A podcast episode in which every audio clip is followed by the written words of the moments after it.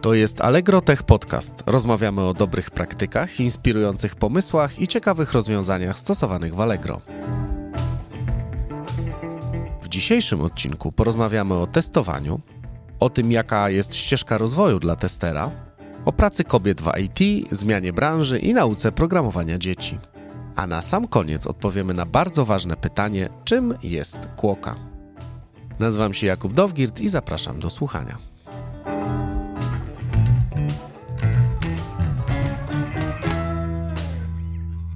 Witam Was serdecznie. Moim gościem jest dzisiaj Ewa Ludwiczak. Cześć Ewa. Cześć, witam. Na początek powiedz parę słów o sobie. Jestem Ewa. E, pracuję w Allegro od 9 lat. Moim głównym zajęciem to testowanie. Jestem senior software test engineer, a aktualnie zajmuję się team liderką, ponieważ od niespełna roku jestem liderką zespołu Kłoka. Dla tych, którzy nie wiedzą, co to jest Kłoka, to jest takie bardzo szczęśliwe, przyjazne zwierzątko z Australii, skrzyżowanie chomika z kangurem. Chętnie bym cię spytał, skąd ta nazwa, ale to pewnie byśmy popadli w długą tak, dygresję. To długa historia. Umówiliśmy się, że będziemy dzisiaj rozmawiali o testowaniu, skoro jesteś testerem i o tym, jaką ścieżkę rozwoju ma tester w Allegro, ale też o pracy kobiet w IT o tym w ogóle, jak zmienić branżę, to przejdziemy, jak będziemy dyskutowali o Twoim wykształceniu i o nauce programowania dzieci. Chciałem Cię spytać, dlaczego akurat taki miks tematów? Chyba wszystkie z nich są bliskie memu sercu, stąd, y, stąd chciałabym o tych tematach trochę powiedzieć, bo wynikają z mojego doświadczenia w Allegro i, i doświadczeniu wokoło Allegro. No i właśnie, to zacznijmy od początku, skoro Allegro. Powiedz mi, jak długo jesteś w Allegro? No właśnie minęło w styczniu 9 lat, czym przyznaję, jestem sama zaskoczona, natomiast było to 9 lat no takiej intensywnej pracy, rozwoju. Tak jak wspomniałam, jestem testerką z zamiłowania, jakby tak zaczęłam pracę w Allegro, natomiast aktualnie pełnię rolę team liderki zespołu, więc też, też ta zmiana była i zadziała się właściwie półtora roku temu, więc to nie jest takie 9 lat, które, które było takie monotonne. To było 9 lat no, dużo się działo. W międzyczasie zostałam też mamą, więc ta perspektywa mm, pracy też się trochę zmieniła. Teraz się zacząłem zastanawiać, chyba nie wiem, czy są w ogóle studia dla testerów, w związku z czym nie mogę cię spytać, czy chciałeś zostać testerem idąc na studia, ale chciałem cię spytać, jaka jest twoja historia, bo ona jest bardzo ciekawa i jak to się stało, że zostałaś w rezultacie testerem? Odpowiadając na część twojego pytania, tak, są już studia testerskie, natomiast pojawiły się one dopiero w, no myślę, że w, w ostatnich latach. Jak ja wybierałam swoje studia, to kierowałam się, przyznaję, bardziej czymś, co mnie interesuje, co, co jest moją pasją, a zawsze pasjonowałam się biologią i trochę też właśnie sferą technologii. I właśnie z tych połączonych mocy powstał kierunek bioinformatyka. Jest on inny niż biotechnologia, co warto podkreślić, bo czasami jest on mylony. I na Uniwersytecie imienia Adama Mickiewicza w Poznaniu właśnie był taki kierunek, który łączył właśnie biologię i informatykę, czyli jak rozwiązywać problemy biologiczne za pomocą narzędzi informatycznych. Bardzo ciekawy temat, nadal bardzo bliski memu sercu i wierzę, że kiedyś do niego wrócę. Natomiast y, jak pewnie wielu absolwentów po skończeniu studiów stanęłam przed wyborem, czy szukać pracy na uczelni w, w Polsce czy za granicą, czy też szukać czegoś na polskim rynku pracy. No i taka sytuacja osobista i też nie ukrywajmy, stawki, które proponuje IT przekonały mnie do spróbowania testowania. Poszłam na rozmowę rekrutacyjną do Allegro jako taki totalny żółtodziób. Nie miałam żadnego doświadczenia, przeczytałam w internecie wszystkie chyba strony, które były na temat testowania. No i udało się, dostałam się.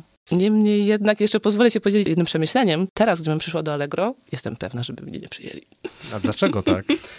Świat IT w ciągu 9 lat bardzo się zmienił i też wymagania, które, które są na rynku są zupełnie inne, ale to też między innymi dlatego, że na przykład powstały studia dotyczące testowania. Kiedyś czegoś takiego nie było. W takim razie, bo to też może nie być dla, zawsze dla wszystkich jasne, czym tak naprawdę zajmuje się tester? Na czym polegała twoja praca wtedy, kiedy zostałaś testerem w Allegro? Można powiedzieć tak ogólnie i trochę górnolotnie, że jest to dbałość o jakość. Jest wiele takich formalnych celów testowania, jakby zapobieganie defektom, dawanie informacji o, o jakości oprogramowania, czy, czy zdobywanie zaufania do, do, do oprogramowania, jakkolwiek może dziwnie to brzmieć. Natomiast ja bym pozostała właśnie przy tym stwierdzeniu, że jest to dbanie o jakość. I teraz produkty, które rozwijamy w Allegro, różnią się w zależności od zespołu, którym się pracuje, więc może to być aplikacja mobilna, której interfejs testujemy manualnie, bądź też y, pisanie testów automatycznych do backendów funkcjonalnych, niefunkcjonalnych. Więc tutaj to, to pod spodem, co się dzieje faktycznie w testowaniu, bardzo zależy od zespołu, w którym pracujesz. A jakbyś miała w skrócie określić, na czym te różnice polegają? No bo to, że te różnice występują, Allegro też, jak powiedziałeś, ma bardzo szerokie portfolio produktów. Więc tak z twojej obserwacji po tych wszystkich latach, gdzie te różnice leżą? Są takie niuanse na przykład różniące testowanie aplikacji mobilnych i aplikacji webowych. No ponieważ aplikacje mobilne z samej swojej nazwy są mobilne, czyli możemy je przenosić z miejsca na miejsce, bateria może się wyładować, mamy zmienne połączenie z internetem. Więc te, te niuanse faktycznie są i tak jak takie paradygmaty testowania pozostają niezmienne, to właśnie te, te szczegóły, no tak kolokwialnie mówiąc, wychodzą w praniu. Czyli ja uczyłam się ich tak naprawdę na żywym organizmie. Pamiętam moją koleżankę, która pokazała mi telefony na biurku. Było kilka urządzeń z Androidem, kilka z iOS-em i powiedziała, no zobacz, tu musimy sprawdzić takie ekrany, mm, tu taka rozdzielczość, mm, tutaj sobie włączysz taką flagę, która będzie mówiła właśnie o tym, że masz słabe połączenie z internetem i uczyłyśmy się tego, ona uczyła mnie właściwie tego tak na, na żywym organizmie. Natomiast teraz jakby ta wiedza jest zdecydowanie bardziej dostępna, można się jej uczyć na uczelniach, czytać blogi, nie tylko zdobywać ją przez doświadczenie. To testowanie, właśnie tak jak wspomniałam, różni się pomiędzy zespołami, bo każdy zespół rozwija często inny produkt. Takim najbardziej znanym produktem Allegro jest oczywiście strona aplikacji mobilnych dla kupujących, natomiast tych produktów Allegro rozwijamy wiele. Są to też produkty dla sprzedających, czy takie wewnętrzne mm, oprogramowanie, które pomaga nam, deweloperom, testerom rozwijać produkty. Więc to moje doświadczenie, tak jak wspomniałam, zaczęło się od aplikacji mobilnych. Y, aplikacje mobilne rozwijamy w Allegro natywnie, to znaczy piszemy osobno na iOS i na Android. Aktualnie w iOSie pisze się w Swiftie, a w Androidzie w Kotlinie. Natomiast warto też wspomnieć, że mamy takie rozwiązanie, taką bibliotekę in-house'ową Mbox, która jest odpowiedzią trochę na takie kierunki pojawiające się w technologii rozwijania aplikacji mobilnych hybrydowo. Piszę raz na dwie platformy. Warto wspomnieć tutaj też o Flutterze czy React Native, który pojawił się w Facebooku, Flutter w Google i właśnie Mbox jest taką e, odpowiedzią na to, by można było ułatwić trochę ten development mobilny i pisać raz na dwie platformy. No dobra, ale ja się teraz zastanawiam, bo ty jako tester mogłabyś po prostu brać ten produkt, który jest do testowania i tak na zdrowy rozum mogłoby się wydawać, że nie, nie potrzebujesz mieć całej tej wiedzy o tych wszystkich technologiach, w których te rozwiązania są pisane. Więc dlaczego ty się tym interesujesz i dlaczego to jest ważne? W Allegro testerzy są bardzo blisko technologii, tak samoż produktu. Natomiast y, rolą testera jest nie tylko tak, takie przeklikiwanie, sprawdzanie manualne, ale też właśnie pobieranie y, sobie najnowszej wersji kodu za pomocą systemu kontroli wersji, kompilowanie go w określonym IDE. Ja na przykład używam Xcoda i Android Studio z uwagi na właśnie projekty, w których jestem. Więc ten tester jest bardzo świadomy i, i, i wie, co się dzieje. Jakby też często testerzy y, dewelopują mniejsze funkcjonalności, biorą udział we wdrożeniach, czasami pełnią dyżury. Tutaj znowu to zależy bardzo od zespołu i produktu. Niemniej jednak tester w Allegro jest po prostu blisko, blisko technologii, blisko tego wszystkiego, co się dzieje w zespole. I tak samo właśnie jeśli chodzi o decyzje produktowe. Bierze udział w spotkaniach zespołowych, te, gdzie jakby doprecyzowujemy kryteria akceptacji, jest w kontakcie z product ownerem czy product managerem, więc tester jest jakby tak w sercu jednostki operacyjnej, jaką, jaką jest zespół. A z twojej perspektywy, jakby po tych wszystkich latach, dlaczego to jest istotne, albo jakby czy to daje nam jakąś przewagę jako firmie, że testerzy są tak blisko właśnie produktu, technologii i organizacji? Z mojej perspektywy jest to przewaga, bo bycie takim bardziej technicznym, świadomym testerem pozwala mi jakby testować na przykład biało-skrzynkowo. Zawsze się zastanawiam, czy biało, czy czarno-skrzynkowo. Ale testy białej skrzynki to są takie testy, które mm, polegają na analizie kodu. Czyli ja będąc bliżej technologii, wiedząc jakby jak działa dany język oprogramowania, co znaczą funkcje zmienne czy stałe, jestem w stanie po prostu też bardziej świadomie testować. To w takim razie, skoro e, lubisz świadomie testować, to chciałem cię podpytać, co najbardziej lubisz w swojej pracy i co ci daje największą satysfakcję? Lubię to, że jako tester mam realny wpływ na produkt, który rozwijamy. I faktycznie aplikacje mobilne są szeroko używane na polskim rynku. E, iOSowa i Androidowa aplikacja dla kupujących ma około 10 milionów użytkowników. Więc taka sprawczość i świadomość, że rzeczy, które testuję, błędy, które wyłapuję, mają wpływ na doświadczenie użytkownika końcowego, jest takie satysfakcjonujące. Poza tym lubię takie testy oparte na doświadczeniu, bo jest taka sfera testów, która jest dość sformalizowana, jest, są poziomy, typy testów, one są ponazywane i skategoryzowane. Natomiast e, ja lubię takie testy, które właśnie wymagają pewnego doświadczenia. Są to na przykład testy eksploracyjne, które bez jakiegoś takiego większego planu sprawdzasz, czy oprogramowanie działa i wyłapujesz jakieś błędy, które trochę jak taki detektyw na miejscu zbrodni. Sprawdzasz, czy, czy nie zostały jakieś ślady i, i, i starasz się podchwycić jakiś trop. Jest też taka technika nazywana zgadywaniem błędów. Brzmi to dosyć ciekawie, natomiast faktycznie tak jest, że bazując na swoim doświadczeniu, też na zasadzie Pareto, która mówi o tym, że 80% błędów jest w 20% oprogramowania, co faktycznie potwierdzam. Można zgadywać błędy i często jest to trafne, trafne zgadywanie. Tutaj też odniosę się do tego, że czasami testowanie postrzegane jest jako taka czynność destruktywna, z czym no, nie zgadzam się, muszę powiedzieć, bo wyłapywanie błędów jest jakby czymś, co pozwala mi dostarczyć ten produkt lepszy dla użytkownika końcowego. Więc y, ta satysfakcja ze zgadnięcia błędów wiąże się właśnie z tym, że wierzę, że ten produkt końcowy będzie po prostu lepszy dla użytkownika. Wspomniałeś też, że jesteś tym liderką, więc chciałem cię też trochę spytać o ten aspekt twojej pracy. Gdzie jakby tu znajdujesz satysfakcję i jakie elementy są dla ciebie najistotniejsze w tym obszarze twojej działalności? Jestem świeżo upieczoną tym liderką. Właśnie ten, ten rok to był rok ciągłej nauki i tak naprawdę ta nauka trwa i trwać będzie, więc na pewno satysfakcjonujące są postępy. Czyli widzę, że rzeczy, z którymi nie radziłam sobie na początku, idą mi lepiej, bo mm, tak jak myślę sobie o rozwoju, jest to, jest to proces. Nie stałam się liderką z dnia na dzień, tylko to kiełkowało we mnie już jakiś czas, więc myślę, że ten, ten postęp, to, to, że robię jakieś takie pierwsze, pewniejsze kroki jest y, takie budujące. Ewa, to wiemy już w takim razie, na czym polega twoja praca. A chciałem cię teraz spytać, jak ty się rozwijałaś jako tester i może szerzej, jak w ogóle osoby, które nas słuchają, pewnie słucha nas trochę testerów, mogą się rozwijać w tym e, zawodzie? Mm, myśląc o rozwoju nie tylko w kontekście testowania, ale też y, byciu programistą, bądź pełniąc inną funkcję. Myślę sobie o, tym, o takim rozwoju wertykalnym i horyzontalnym. Takim wertykalnym, czyli takim rozwoju specjalizacji, gdzie zgłębiam dany temat, uczę się innych rodzajów testów. Jeśli na przykład jestem testerką mobilną, chcę nauczyć się na przykład testów backendowych, bądź chcę zgłębiać tajniki testów bezpieczeństwa, co jest też bardzo dużą dziedziną. O takich testerach mówi się pentesterzy. Mogę tworzyć narzędzia dla innych testerów, robić właśnie jeszcze bardziej świadome testy eksploracyjne, bo to też jest bardzo duża działka w testowaniu. Trochę jest właśnie pytanie, co mnie interesuje. Żeby rozeznać się, jakie są moje takie silne strony, można na przykład wziąć udział w takich konkursach testerskich. W Polsce jest organizowany na przykład Testing Cup, który mm, właśnie ma na celu wyodrębnienie drużyny, która znajdzie jak najwięcej błędów w danym oprogramowaniu. To jest bardzo ciekawy konkurs, który właśnie może, może, może podpowiedzieć, czy moją mocną stroną są testy bezpieczeństwa, czy może lepiej właśnie odnajduje się w takich testach eksploracyjnych. Są też takie konkursy organizowane przez duże znane firmy na świecie. Te konkursy nazywają się Bug Bounty i polegają na tym, że firmy otwierają swoje oprogramowanie na robienie testów zwykle bezpieczeństwa i za znalezione błędy są nagrody.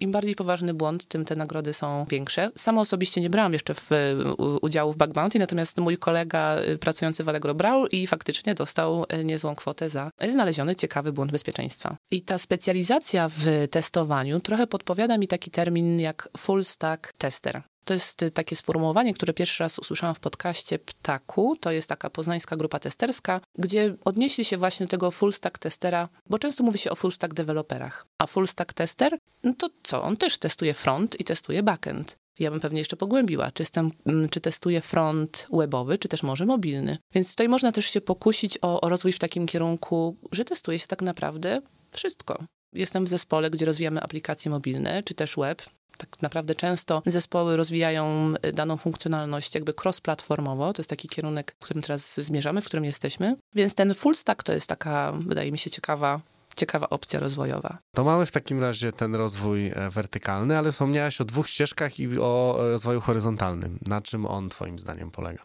Rozwój horyzontalny, czyli jakby wychodzę poza swoją dziedzinę, poza swoją strefę komfortu, jak to często bywa, i można spotkać się z takim przekonaniem, że jedyną taką ścieżką rozwojową, właśnie horyzontalną dla testera jest programowanie.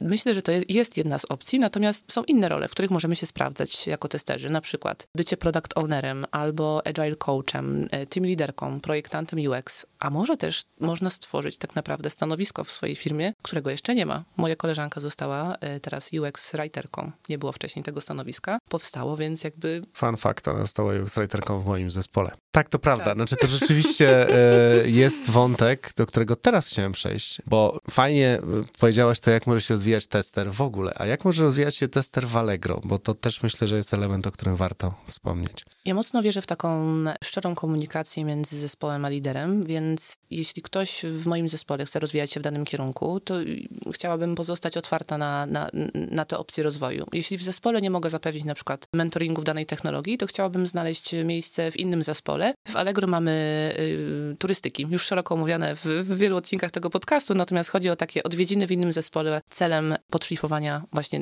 umiejętności technicznych bądź, bądź miękkich. Więc czy też u siebie w zespole, czy w zespole obok, czy też właśnie za pomocą jakiegoś szkolenia zewnętrznego, programu men mentorskiego. Chciałabym, żeby każdy pracownik w Allegro tak miał takie poczucie i myślę, że ma, że te opcje są. Sama jestem takim przykładem zmiany, gdzie, gdzie trochę właśnie wewnątrz Allegro i trochę też poza Allegro zmieniłam swoją rolę chętnie o tej ścieżce opowiem. No właśnie, bo trochę chciałem podpytać o tym wątku. Mówimy o rozwoju testera, ale wydaje mi się, że przychodzi taki moment, przynajmniej potencjalnie, że taki tester może mieć właśnie ochotę albo zmienić branżę, tak jak wspomniałaś, albo może, tak jak w tym wypadku, zostać tym liderem, tym liderką. Więc chciałem cię podpytać, jak wyglądała twoja droga do tego? Jakby jakie elementy, jakie kroki milowe, duże słowo, musiały się zadziać, żeby rzeczywiście mogła tą tym liderką zostać? Tak jak wspomniałam, dla mnie mm, zmiana branży, zmiana stanowiska, czy właśnie własny rozwój to jest proces. Nie jest to jakby krok, y, który, okej, okay, teraz jestem testerką, a już następnego dnia zostaję liderką, to jest proces. Czyli tutaj wspomniałeś o krokach milowych. Ja bym wspomniała o metodzie małych kroków, czyli jeśli jestem testerką, ale chcę rozwijać się w kierunku leadershipu, to jakby zakładam, że część swojej pracy zacznę poświęcać na, na rozwój w danym temacie i jakby mm, powoli 10, 20, 30% swojego czasu będę poświęcała na przykład na tematy, które wymagają koordynacji, wymagają jakiejś, nie wiem, prezentacji, pracy y, z innymi zespołami, współpracy z przedstawicielami produktu czy biznesu. Oczywiście przy właśnie świadomości pracy z liderem, mm, bo oczywiście też nie nakłaniam do, do, do robienia czegoś, jak to się mówi czasami u nas, pod stołem. Natomiast wierzę, że właśnie stawałam się liderką krok po kroku. I to działo się właśnie między innymi w Allegro. Realizowałam większe zadania wymagające ustaleń z przedstawicielami produktu. Koordynowałam y, działania społeczności testerskiej w firmie i też prezentowałam po polsku i po angielsku na konferencjach w Polsce i za granicą. To też był bardzo duży taki krok dla mnie, żeby przemóc taką barierę mówienia, mówienia w obcym języku, mówienia do obcych ludzi było to też takie mocne doświadczenie dla mnie. Ja myślę, że w tym kontekście w ogóle jest warto powiedzieć, że jeżeli chodzi o obecność przedstawiciela Allegro na różnych eventach branżowych, no to sporo się dzieje. Ja jakby też obserwuję to, będąc członkiem zespołu technologii, że rzeczywiście bardzo dużo jest takich eventów, gdzie nasi przedstawiciele prezentują swoją wiedzę i swoje umiejętności. Ale chciałem też podpytać, bo wydaje mi się, to też jest taka ścieżka, którą ja trochę przeszedłem, że też pomocne w rozwoju liderskim są czy to zewnętrzne szkolenia, czy różne zewnętrzne programy, czy to mentoring. I wiem, że takie doświadczenia też masz, więc chciałem cię trochę o to podpytać. Jak najbardziej. Właśnie brałam udział w bardzo fajnym programie, który nazywał się Lead IT Lady. E, był to program organizowany przez organizację Women in Technology, która wspiera kobiety w IT. A w ramach tego programu wspierała kobiety w IT w kierunku leadershipu właśnie. I jesienią w 2020 roku właśnie zaaplikowałam na ten program w sumie ostatniego dnia i tak udało się. Przyznaję, że to był, jeszcze poprosiłam o jakieś przedłużenie terminu, bo potrzebowałam rekomendacji kogoś, kto, kto ze mną współpracował. Mój kolega z Allegro mi napisał taką rekomendację. No i, i trochę, trochę po terminie, ale, ale zostałam przyjęta. I to był program, który składał się z, z czterech etapów. Pierwszy etap to były takie trzy miesiące intensywnych warsztatów. Dwa, trzy razy w tygodniu po pracy. Były takie naprawdę bardzo mięsne, tudzież kaloryczne, jak to się mówi czasami w korporacjach, warsztaty dotyczące bardzo takich ważnych i podstawowych tematów, y, jeśli chodzi o prowadzenie zespołu. Feedbackowanie, trudne sytuacje w zespole, prezentowanie, mowa ciała. Jakby były to naprawdę jedne z takich bardziej merytorycznych szkoleń, w których miałam okazję uczestniczyć, więc bardzo to doceniam. Kolejnym etapem tego programu było wsparcie jednej z inicjatyw Stowarzyszenia Women Technology w Polsce. Ja z uwagi na swoje właśnie zainteresowania programowania z dziećmi wspierałam konferencję Digit for Kids i tam wspólnie z koleżanką jakby koordynowałyśmy e, tę edycję konferencji. Dodatkowo w ramach programu można było korzystać z mentoringu. Ja dostałam bardzo fajną mentorkę, która była, która jest liderką w dużej firmie technologicznej w Krakowie i przyznaję, że to wsparcie mentora było bardzo pomocne. To nie jest tak, że będąc na mentoringu uda się uniknąć jakichś błędów, natomiast mam wrażenie, że troszeczkę szerzej można spojrzeć na, na daną sprawę i może uniknąć, chociaż może, nie wiem, części z nich albo trochę bardziej miękko wylądować. Y, doceniam bardzo ten, ten mentoring i myślę, że jest to coś, co, co na pewno polecam każdemu, kto chce się wprawić w nową rolę. To jest takie trochę poprowadzenie za rękę w dobrym kierunku. We wstępie do tego odcinka też mówiłem o tym, że jednym z tematów, o którym będziemy rozmawiać, jest diversity i rola e, kobiet w IT. Jak ty się na to zapatrujesz? Diversity jakby jest takim obszarem, który jest bardzo wielowątkowy, więc chciałem cię spytać o twoją perspektywę właśnie na ten temat. Temat różnorodności często właśnie skracany jest tylko do na przykład pozycji kobiet w IT, natomiast zdaję sobie z tego sprawę, że jest to jakby mm, temat bardzo szeroki, wieloaspektowy. I ja mówię o kobietach w IT dlatego, że ten temat znam, jest mi bliski i, i mogę powiedzieć o swoim doświadczeniu. Natomiast jak najbardziej wiem, że dotyka mm, seksualności, płci, wieku i tak naprawdę taką też y, refleksją, którą, którą ostatnio poczyniłam y, w głowie jest to, że jest to też jakby różne podejście do, do rozwijania projektów. Taką różnorodność często spotykam w pracy i z tą różnorodnością chyba mam taki największy problem, żeby właśnie docenić to, że ktoś ma inne zdanie i czerpać z tego, bo konfrontując się i, i, i dyskutując merytorycznie z osobami, które właśnie mają inny punkt widzenia, możemy naprawdę wiele zyskać. I, i to jest ta różnorodność, z którą, z którą ja sobie chyba ostatnio radzę w głowie przywołując swoje doświadczenia, wspomniałaś o organizacji Women in Tech, ale tych organizacji takich, które pomagają kobietom albo młodym dziewczynom wejść jakby w tą branżę i się w niej szkolić jest więcej. Czy są takie, które jakby szczególnie jakoś ze swojej strony polecasz albo uważasz za, za najbardziej wartościowe? Ostatnio też miałam okazję współpracować z Der IT, więc też polecam zajrzeć na ich stronę. Również wsparcie kobiet właśnie w, w IT, w różnych rolach testerek, designerek, programistek. Wspomniane Women in Technology, IT for She i tak naprawdę polecam zgooglować, bo ja mam styczność z tymi, z tymi trzema, natomiast jest bardzo dużo fajnych inicjatyw, które, które się dzieją i fajnie też spojrzeć na to, co ja mogę dać takiej organizacji i co mogę wziąć? Bo ja byłam właściwie zarówno dawcą, jak i biorcą, że tak powiem, jeśli chodzi na przykład o, o Witki, czyli Women Technology. Brałam udział w programie Tech Leaders, gdzie byłam mentorką dla, dla dziewczyny, która chciała zostać testerką, a potem byłam biorcą. To ja skorzystałam z ich oferty wsparcia. Więc zgodnie z taką właśnie moją wewnętrzną teorią dawców i biorców, fajnie korzystać, ale potem też coś oddać do tej społeczności. A propos oddawania, jest jeszcze jeden wątek, który mnie osobiście też bardzo się podoba, bo ja sam mam małe dziecko. Wspomniałaś już o tym w naszej rozmowie, że jakby jesteś zaangażowana w naukę programowania dla dzieci. Czy mogłabyś parę słów na ten temat? Bo wydaje mi się, że wątek jest ciekawy, jest chyba teraz mocno popularny i ciekaw jestem jakby jak ty się w tym odnajdujesz i dlaczego to w ogóle robisz. To prawda. Jest ciekawy, popularny. Myślę, że mm, tak, samo IT jakby jest coraz bardziej popularny. Dużo moich znajomych zmienia branżę i, i też mam wrażenie, że jest to coraz bardziej widoczne w zabawach dla dzieci, w, w, w, w takich grach, które, które można kupić dla dzieciaczków.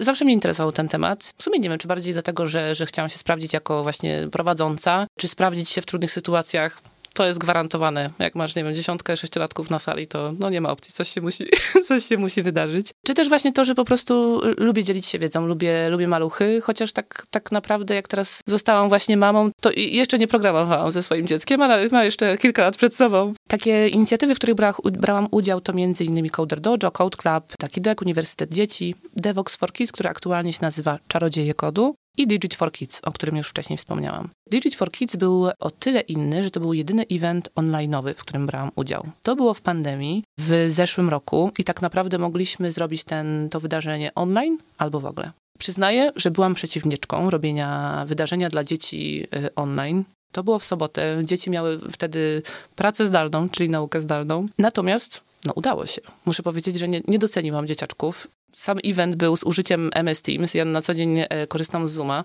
Byłam taką osobą, która miała wspierać prowadzącego podczas wydarzenia w razie, gdyby coś poszło nie tak i jakiś maluszek miał z czymś problem i próbowałam mu wytłumaczyć, że to jest ten zielony przycisk w prawym górnym rogu. A to dziecko tak na mnie spojrzało. Proszę pani, ja jestem zdalnym, ja wiem. Naprawdę. I to dziecko mnie tak rozłożyło. Naprawdę poszło świetnie. Wszystko się udało. Prowadzący dzieci robiły zadania, włączały mikrofon, wyłączały mikrofon wtedy, kiedy było trzeba więc było naprawdę fajnie. Natomiast sama jestem fanką y, eventów offline'owych.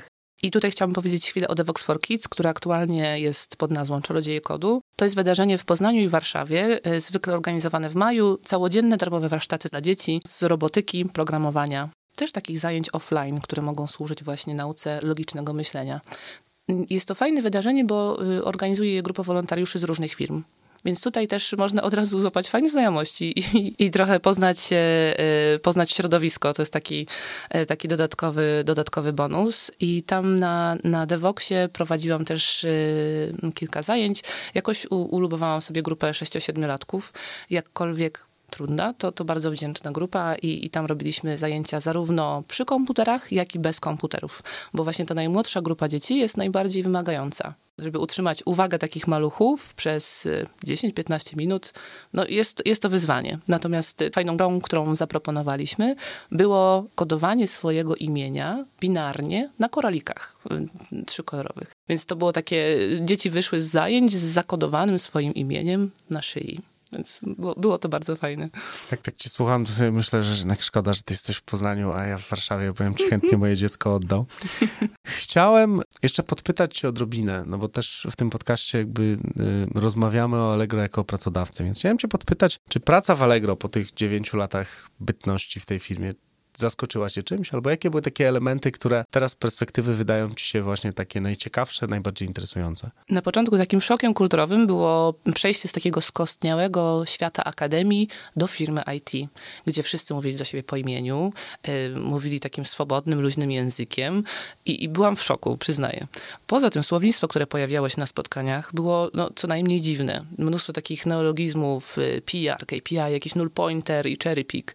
Totalnie nie wiedziałam o co chodzi. Przyznaję, że wejście w świat y, Scrama, jakieś kursy programowania, żeby w ogóle zrozumieć, o co chodzi właśnie między innymi z tymi null pointerami, y, jakby wprowadziły mnie stopniowo w właśnie ten świat innego słownictwa. Na pewno bycie takim początkującym, teraz tak z perspektywy czasu, myślę, że miało swoje duże plusy, bo jako, jako początkujący tester, jako junior, miałam prawo zadawać pytania. Junior ma prawo nie wiedzieć i to jest naprawdę fajne prawo, z którego myślę, że, że może się wstydziłam korzystać, natomiast warto korzystać z tego, że można nie wiedzieć. Potem już jak się człowiek zdobywa kolejne stopnie zaawansowania, może mniej wypada zadawać pewne pytania, natomiast nadal jestem fanką jakby otwartego, otwartego pytania i, i, i mówienia. Po prostu nie wiem, czy możesz powtórzyć albo wytłumaczyć. Fajną rzeczą, która jest w Allegro, którą też y, mam okazję współtworzyć, jest taka bardzo aktywna społeczność mobilna. Organizujemy DevDay'e, czyli taki dzień dewelopera, gdzie robimy prezentacje, dzielimy się wiedzą wewnątrz, wewnątrz naszej organizacji i hackatony. Zwykle są to dwa hackatony i dwa DevDay'e w roku,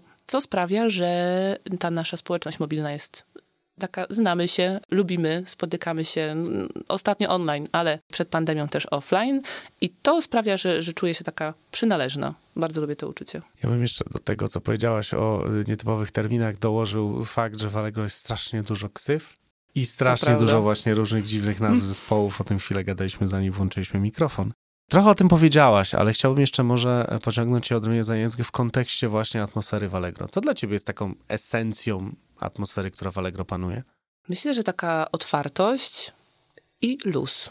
I jakby z tą otwartością, tak jak wspomniałam, że, że to jest taki dla mnie też y, coś, coś z tym pracuję, żeby właśnie być otwartym, szczególnie na te rzeczy, które są inne od mojego y, technicznego światopoglądu y, bądź procesowego. Natomiast tą otwartość spotykam na każdym kroku i, i jestem za to bardzo wdzięczna, bo mm, tylko chyba dzięki temu możemy wpadać na fajne pomysły, bo najbardziej wartościowi ludzie wokół nas to są kontrowersyjni ci, którzy są inni od nas, którzy mają in, inne zdanie. Więc myślę, że, że dopóki ta otwartość jest, to, to jest okej. Okay. Umówiliśmy się, że na koniec w tym sezonie wszystkim naszym gościom zadamy trzy te same pytania, więc teraz e, uwaga, przygotuj się. Mówimy w Allegro, że dobrze tu być. Dlaczego, Twoim zdaniem? Praca w Allegro jest pewnego rodzaju przywilejem. Nie mogłabym uczestniczyć w wielu wydarzeniach, w których miałam okazję uczestniczyć. Mm, prezentować na, na konferencjach, bądź właśnie mm, współorganizować czy prezentować dla dzieci na, na eventach, gdzie uczyły się programowania, bo Allegro bierze po prostu, y, jest rozpoznawaną firmą, jest zapraszane do współorganizacji takich rzeczy. Więc bycie tutaj jest naprawdę przywilejem, z którego, z którego warto korzystać. A jaki jest najdziwniejszy produkt, jaki kupiłaś na Allegro? Hmm, myślę, że ostatnio powiedziałabym, że to jest ciastolina do kąpieli Psi Patrol z Chase'em. Patrol jest, jak wiadomo, teraz na topie u wszystkich młodych ludzi. I na koniec chciałbym cię spytać, gdyby ktoś po wysłuchaniu naszej rozmowy chciał cię spotkać, znaleźć, pogadać, wejść z tobą jakąś interakcję, to gdzie może to zrobić? Ewa Ludwiczak na LinkedInie i Twitter. Zapraszam do kontaktu.